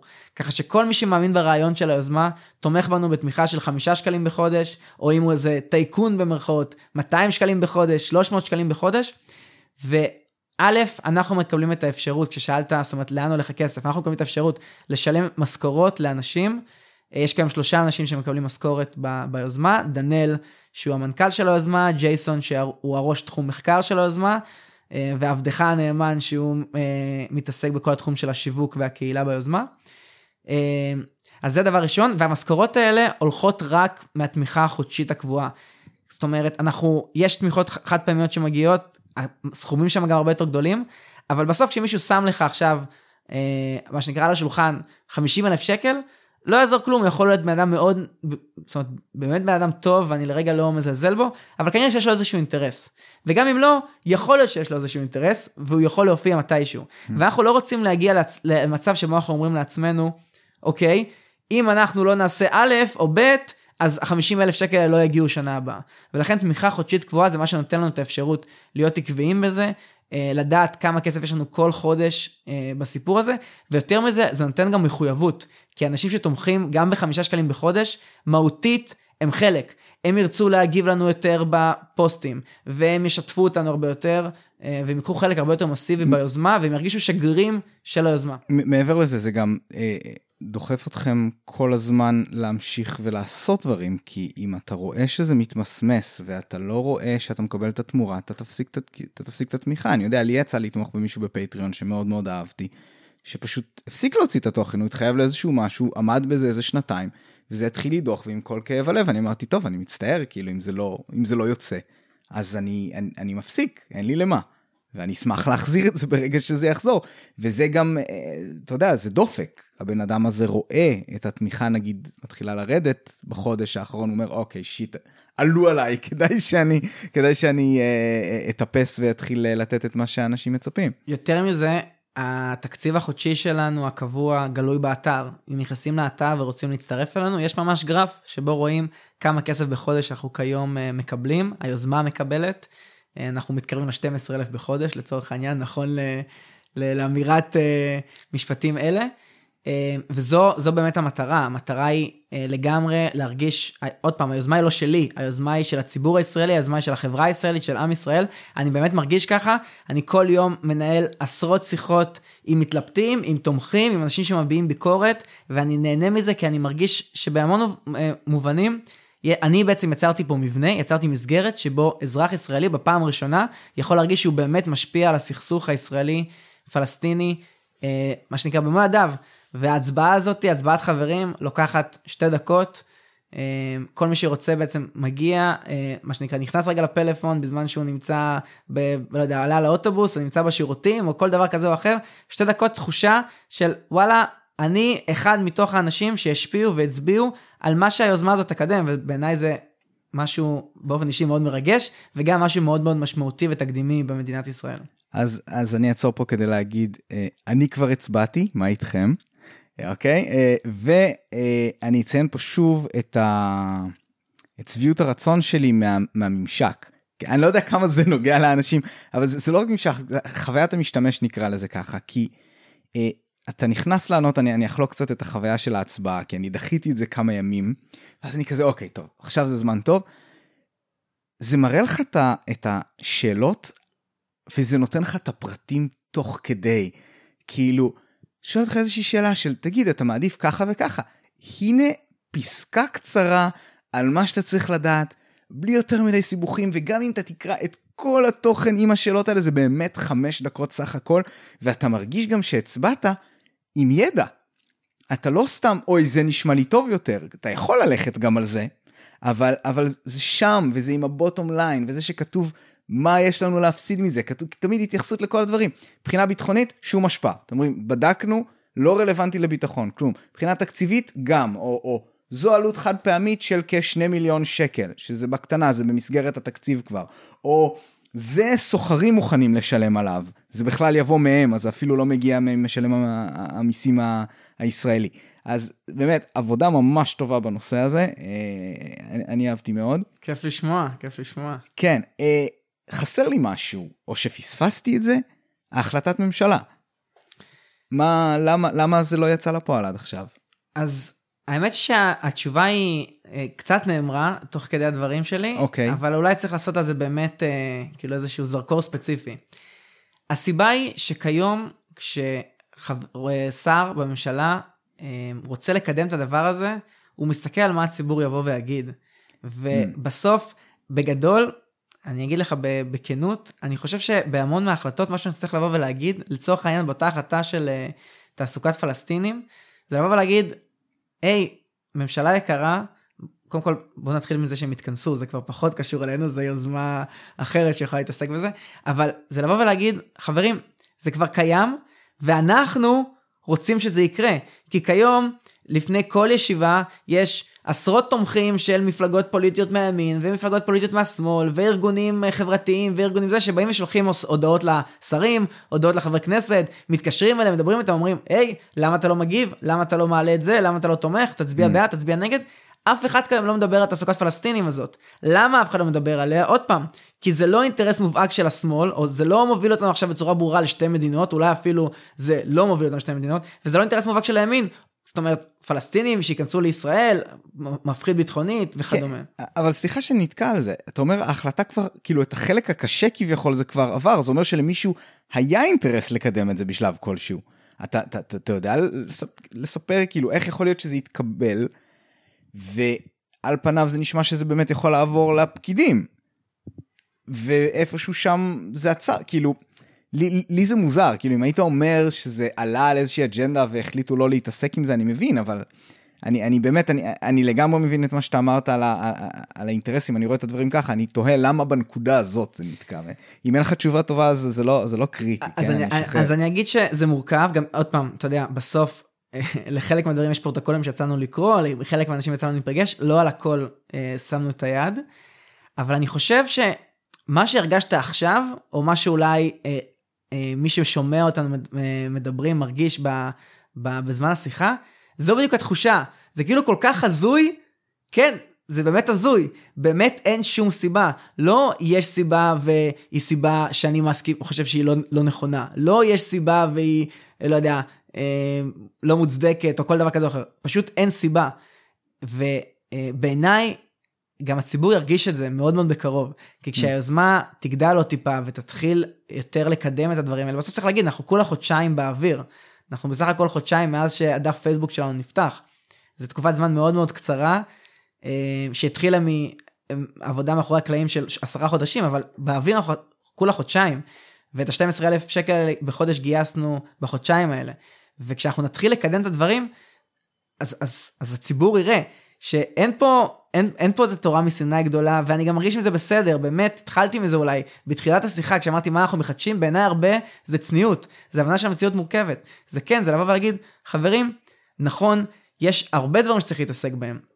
יש קורונה, ויש משבר אמון, ויש ביטחון, אה, לא יודע, יש איראן, ויש אה, עזה, ויש המון דברים מסביב שמתעסקים בהם כל יום, ומיליון מובטלים, ולא חסרים בעיות במדינה, אבל לכל אחד מהדברים האלה יש כיום מישהו שמדבר על זה בחדשות, אה, מה שנקרא בחדשות 12, 13, 11, 20.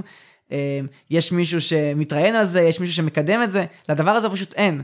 ואז הדבר הזה נוח לו מאוד mm. ללכת אה, מתחת לפני השטח. כי גם אם זה mm. דורש עכשיו את הדקה שיחה הזאת, הפרוטוקולית של מה אם זה ישיבת סטטוס, למה הדבר הזה לא קודם לצורך mm. העניין, למה שמישהו יקדם את זה? זה פשוט לא מעניין אף אחד. כן, כן, אוקיי, אוקיי, אני חושב, ש... אני חושב שתפסתי את התמונה.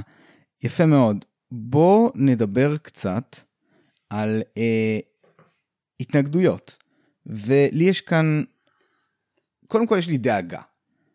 כי הבעיה היא שכשמשהו אה, בא, וזה לא משנה אם זה בטייטל שלו, וזה לא משנה אם זה תוצר לבד שלו, אם איפשהו שם מבינים שאתה דואג לערבים, יכולים לתייג אותך ישר כשמאל. עכשיו אני יושב פה ואני שומע אותך אה, בתור אישו כאילו על נגיד מרכז שמאל ומהרבה דברים ש... שאתה אומר נשמע שאולי אתה אפילו ימינה יותר ממני אני לא יודע איך אתה מגדיר זה גם לא, לא נראה לי רלוונטי אז אני אפילו אמנע מלשאול אותך את זה מפורשות. אבל תמיד יש לי את החשש הזה ואני גם אמרת לך חבר שלי אה, שבשם העט שלו עורב ישראל הוא, הוא, הוא מומחה לשיווק. ואני יודע שאתה יודע מספיק שזה לא בא למישהו בטוב והוא שם עליך פעם אחת את התגית הזו של השמאל. אה, זהו, זה יכול לתפוס אותך לנצח.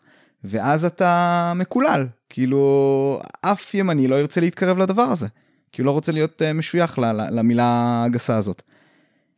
איך נמנעים מזה? האם במידה מסוימת אולי זה כבר קצת קורה, כי אתה דיברת על תגובות רעות נגיד, ולי יצא להיתקל בכמה תגובות uh, של נגיד uh, אנשי ימין לא מתוחכמים, אם אני, אם אני אקרא לזה. שלא, שלא ראו את הדקות שם והלכו ב, ב, בשביל הזה שאני תיארתי עכשיו. אמ, בוא, תספר לי על זה קצת, מה, מה, מה אתה חושב על הנושאים האלה? אמ, אז אני אגיד שקודם כל, אמ, מה שנקרא, לא קורה שום דבר כרגע ביוזמה שלא ציפינו שיקרה. ברור שיש התנגדות, אני חייב להגיד לך שאנחנו מקבלים התנגדות גם מהימין וגם מהשמאל. אני לא משווה ביניהם ואני לא, אתה יודע, אני לא סופר, הופה, אחד מהימין, הופה, אחד מהשמאל, שיט, קיבלנו עשרה מימין על שתיים מהשמאל, זה אומר שאנחנו, לא יודע, שמאלנים mm-hmm. מדי. אמ, אבל אנחנו מקבלים התנגדויות משני הצדדים, ואני חושב שהרבה מההתנגדויות אמ, התחילו מזה שהם מאוד מאוד אה, חושדים בנו. יש תגובות מדהימות ששמרתי לעצמי במחשב, ואולי אני גם אכתוב על זה פוסט בזמן, כשהסושיאל דילמה שלך יעלה אז אני אה, אוקיי. אכתוב גם את שלי. סגור. אה, של ימני בא ומגיב, אתם שלוחה של הקרן החדשה לישראל שבאה לעשות פה מדינה פלסטינית ולתת שטחים, ואז זהו, זה, אתה מבין, זה בדיוק מה שאני, אוקיי. ואז עונה לו מישהי שמאלנית שאומרת הלוואי וזה היה המצב אבל הם בנטונ- בנטוניסטים אה, מלשון בנט אה, שבאים רק אה, לנרמל את, ה, את הכיבוש ולהשאיר אותו בשטח. עכשיו אחרי מה שנקרא having said that הביקורת הזאת אם אני רגע מסתכל עליה ולא לא מתחמק מהשאלה שלך ספציפית על הצד השמאלי והעזרה לערבים אז קודם כל אין ספק שהדבר הזה הוא, זאת אומרת הוא, זה ביקורת קיימת ואני לא אין לי בעיה איתה. אה, אני חושב שהיא שגויה אבל אין לי בעיה איתה כמובן. ואני חושב שאחת מהמשימות שלנו זה לבוא ולדבר וגם להסתכל על, על זה שאנחנו צריכים להבין מה האינטרס הישראלי בזה. ואין ספק שהאינטרס הישראלי הוא לא לתת אני רגע אלך לקיצון לא לזרוק סתם כסף על הפלסטינים. בלי כלום. זה לגמרי מובן. ויותר מזה באים אנשים ונותנים ביקורת ואומרים יותר מזה אני אפילו אגיד יאיר אין לי בעיה שניתן להם אבל כמו כל דבר שקיים תיתן משהו אתה רוצה לקבל משהו בתמורה. אתה לא מציע הסכם. אתה לא בא ואומר בוא נשב למשא ומתן אתה בא ואומר בוא פשוט ניתן להם דברים. אז בעיניי העניין הוא לא דברים שאנחנו נותנים להם אלא דברים שאנחנו נותנים לנו. זה דברים שהם באינטרס הישראלי שלנו בין אם זה בהסתכלות על אה, השיח שלנו עם, עם מנהיגים במדינות אחרות בין אם זה עם השיח שלנו על הכלכלה הישראלית ועל האינטרס הישראלי בתור ישראלים ובין אם זה על השיח שלנו בתור ישראלים שבסוף עוד פעם אני אומר ו, אה, ולי קשה עם זה ש... זאת אומרת באים על זה כביקורת אה, אה, זאת אומרת שמישהו אומר את זה הוא שמאלני אני חושב שזה זו פגיעה זו העלבה בעיניי למי שמגדיר את עצמו כימני. של לשלוט על עם אחר זו לא שאיפה של אף אחד. אף אחד לא שמח מהסיטואציה שבה אנחנו נמצאים כיום זה לא כיף לאף אחד. ולכן אם אני יכול לא לשלוט על אותו פלסטין אני חושב שזה אה, לגמרי אינטרס של כולם. אבל אני אגיד לך יותר מזה. בסוף אני מבין שיהיו אנשים שלא ייקחו חלק ביוזמה. זה בסדר ואני חושב שאחד הדברים שאני יותר מבין על עצמי בתור יאיר זה שאני חייב לפעמים גם לבוא ולהגיד לא, לא רק למה מה אני כן אלא גם מה אני לא.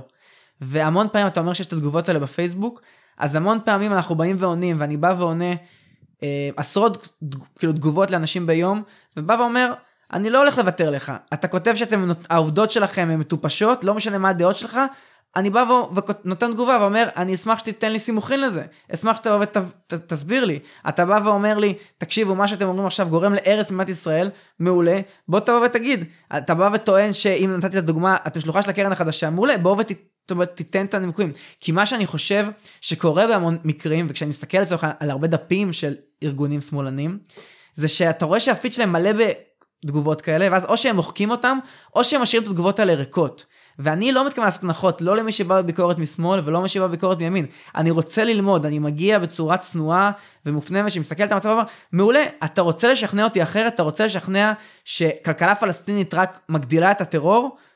אני בשיא הכנות רוצה ללמוד, שלח לי מאמרים, תראה לי אנשים שרי, אה, זאת אומרת, שכתבו על זה. אני חושב שאין כיום מדינאי זה או אחר ישראלי שלא יצא לי לשמוע אותו מדבר על הנושא.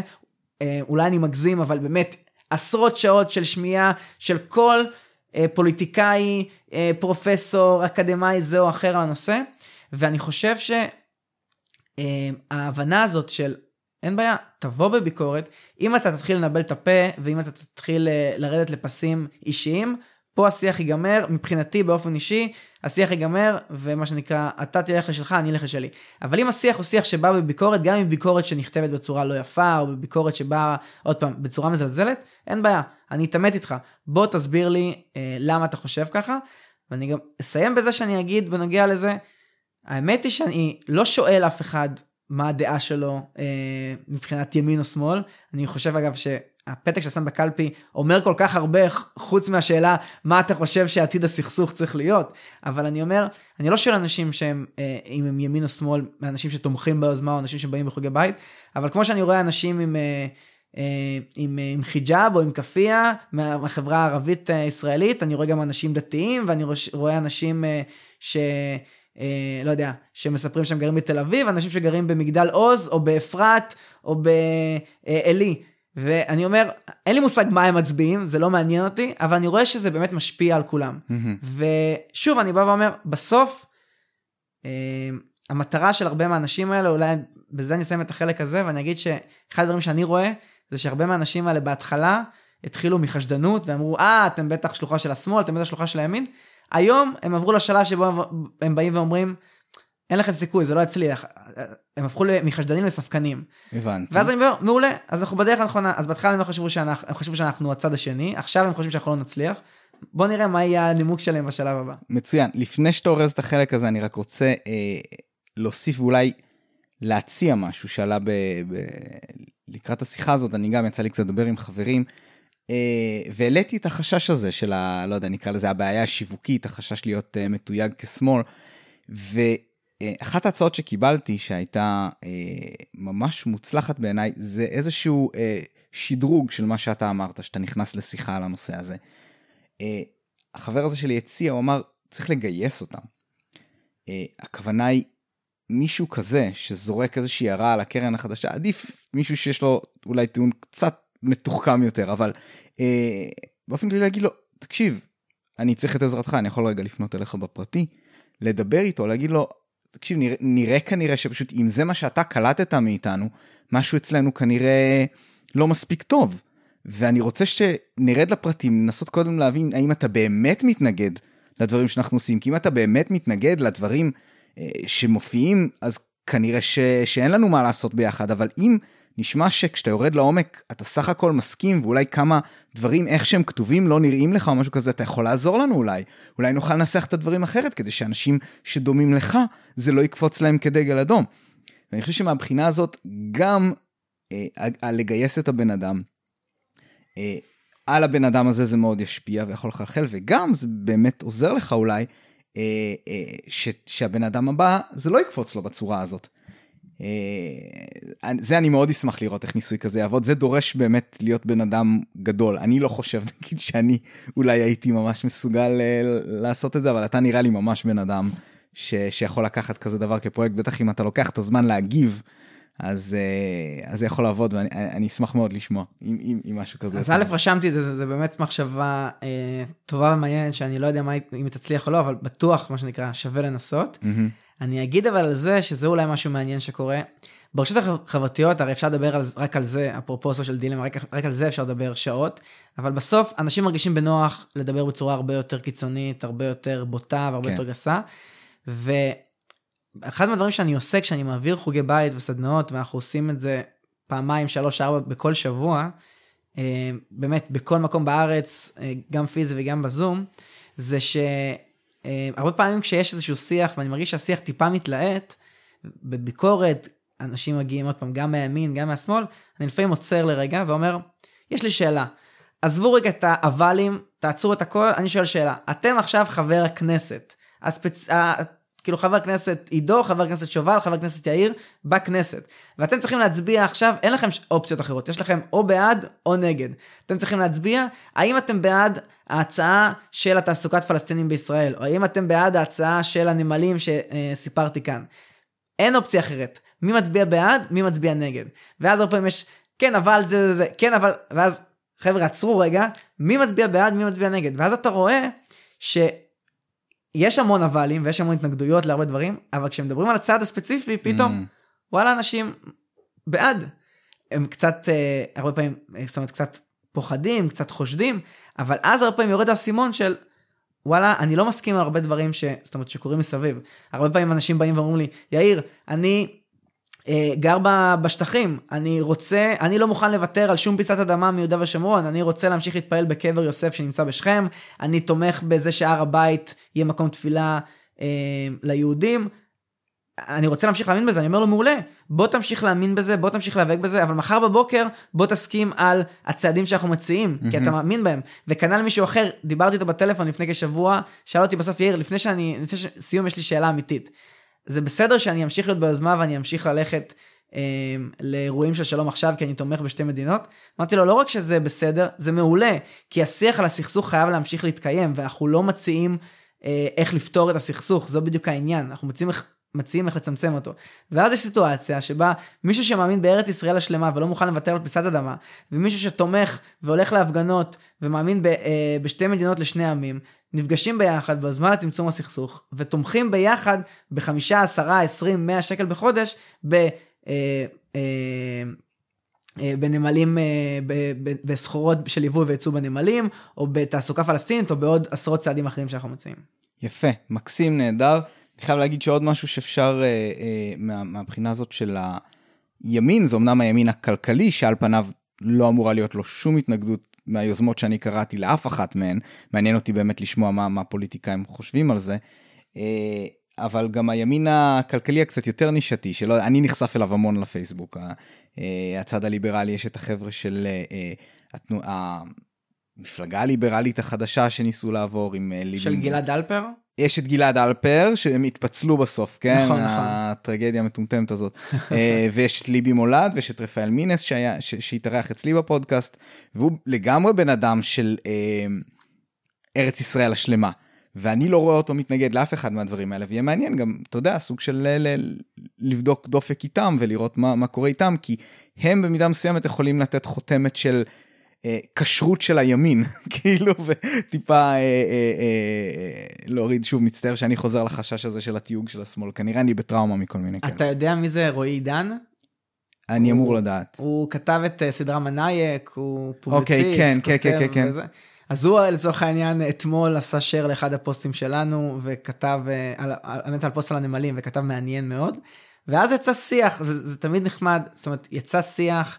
אמ, בתגובות שלו, שבדיוק אומר הרבה מהדברים שאתה mm-hmm. בא ומספר. אנשים שבאו ואמרו, תקשיב, זה אנשים שהם אה, שלוחה של, הם באים ואוסרים בדיוק את ההפך. אני חושב שאולי, אמ, קודם כל, השמות שנתת הם שמות מעולים של אנשים שאני, אה, נמצאים במה שנקרא בצ'קליסט אה, כן. להיפגש איתם. אמ, ואני חושב שאחד מהדברים אולי, אם אני, מה שנקרא, חושב תוך כדי השיחה ומה שאתה אומר. זו המטרה. לגמרי.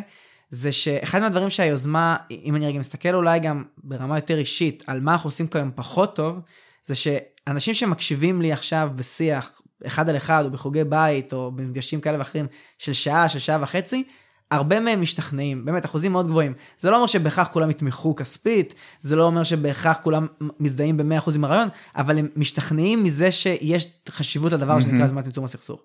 הבעיה היא להגיע לאותם אנשים שקוראים עכשיו שתי שורות בפייסבוק ואז אוטומטית שתי שורות האלה באים ואומרים טוב נכון נכון והיכולת לשכנע אנשים לא בפוסט פודקאסט עכשיו של אה, שעה שעה וחצי אלא במה שנקרא נאום מעליות כזה של יש לך מעלית ועד שהיא מקומה 4 עד 0 mm-hmm. ועד שהיא יורדת אתה צריך לשכנע עכשיו מישהו זה משהו שאני חושב שאנחנו לגמרי יכולים וצריכים להשתפר בו כי זה מורכב כי אתה צריך מהר מאוד גם ליצור סיטואציה שלא קורית היום בשיח הסכסוכי של גם להסכים עם הימין גם להסכים עם השמאל וגם להגיד חבר'ה אתם אולי לא חושבים ככה אבל אתם מסכימים כן. אה, ואתם פשוט כנראה לא יודעים את זה או לא חושבים על זה. כן, מעניין מאוד, ו- וכן, אני גם אצהיר פה עכשיו שאנחנו uh, לקראת סיום, שאני כבר uh, מעבר לשיחה הזאת הצעתי את עצמי לכל, אני לשירותך בדברים האלה, אם אתה רוצה שאני אעזור לנהל את, ה- את השיח מהסוג הזה, את המעט שאני יכול לעזור, אני אשמח, מעבר לתמיכה החודשית שאני נתתי.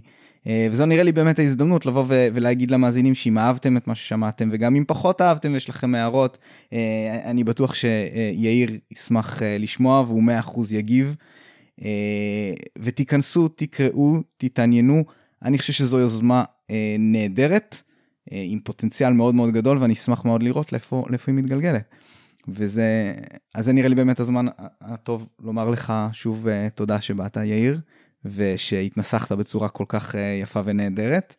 ומאחל לך המון המון בהצלחה אה, לך ול, אה, ולחבריך למיזם.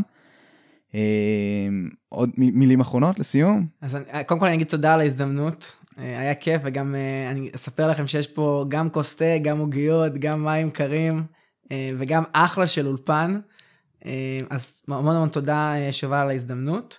ואני אגיד אולי מילה אחרונה, הרבה פעמים אנחנו נמצאים במה שנקרא במרוץ החיים, ואתה שומע איזה פודקאסט בדרך שלך מרעננה לחיפה לעבודה, ואז אתה ממשיך לפודקאסט הבא וממשיך לדברים אחרים, ואני מאמין שהרבה מהאנשים שגם יקשיבו לפודקאסט הזה, יבואו ויגידו, מעניין, נשמע נחמד, אבל בוא נמשיך הלאה. אז קודם כל אני אגיד שמבחינתי כבר זה, אה, במובן מסוים, צמצום סכסוך. כי זה אנשים שעצרו לרגע את כל הרצף שלהם וחשבו ושמעו גם אם הסכימו וגם אם לא על הנושא הזה של צמצום סכסוך mm-hmm. ועל הסכסוך הישראלי-פלסטיני באופן כללי. אני חושב שהנקודה האחרונה שלי לבוא ולהגיד, זה שאני, אחד הדברים שאני מבין יום יום אה, מחדש ביוזמה, זה שהאמת לא נמצאת אצלי. האמת לא נמצאת בין אצל אף אחד, אה, והיא נמצ... מסתובבת, והיא כל הזמן יכולה להתחדד יותר ויותר, וגם אם הסכמתם עם מה שאמרתי, וגם אם התנגדתם באופן מוחלט, תבואו ותדברו על זה, תספרו על זה לחברים, תספרו על זה לבן בת זוג, לילדים, למשפחה, תבואו ותגידו להם, אני מסכים או אני לא מסכים, אבל צריך להמשיך לדבר על הנושא הזה, כי אנחנו לפעמים שוכחים, אנחנו לפעמים אה, אה, כאילו מדחיקים, אבל הסכסוך כאן, והוא כאן כדי להישאר, ואי אפשר לפתור את הסכסוך בעתיד הקרוב, לא מחר בבוקר ולא מחרתיים, זה מבאס, אבל זה המצב. אבל זה שאי אפשר לפתור את הסכסוך, לא אומר שאין מה לעשות, אפשר להתחיל לצמצם אותו. מצוין, מילים נהדרות לסיום. אז גם תודה רבה למאזיננו שישבו איתנו והקשיבו לנו, ואני בטוח ש... שיקחו את זה צעד אחד קדימה. אה, וזהו, אנחנו נתראה בפרק הבא של דיוני שכל.